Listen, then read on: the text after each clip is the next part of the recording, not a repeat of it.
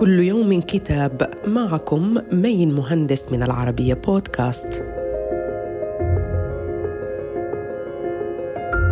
نتناول اليوم كتاب مطر التاريخ الطبيعي والثقافي للباحثة والصحفية الأمريكية سينثيا بارنت. الكتاب يركز على دور المطر في تشكيل الحضارة البشرية خلال قرون ويحلل العلاقة الوجدانية القوية بين البشر والمطر. وتعود الكاتبة إلى قرون ماضية لفهم تأثير المطر على الثقافات الاقتصادية وحياة الشعوب. كما يدرس الكتاب ظاهرة تلوث الأمطار بسبب الكربون بعد الثورة الصناعية بالإضافة إلى أنه يبحث في ظاهرة الجفاف التي تضرب اصقاعا مختلفة من اليابسة.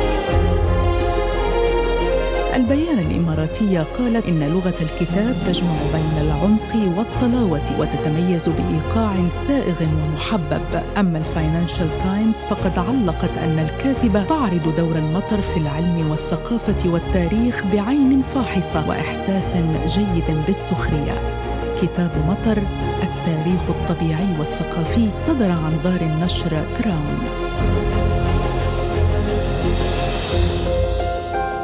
وإلى اللقاء مع كتاب جديد.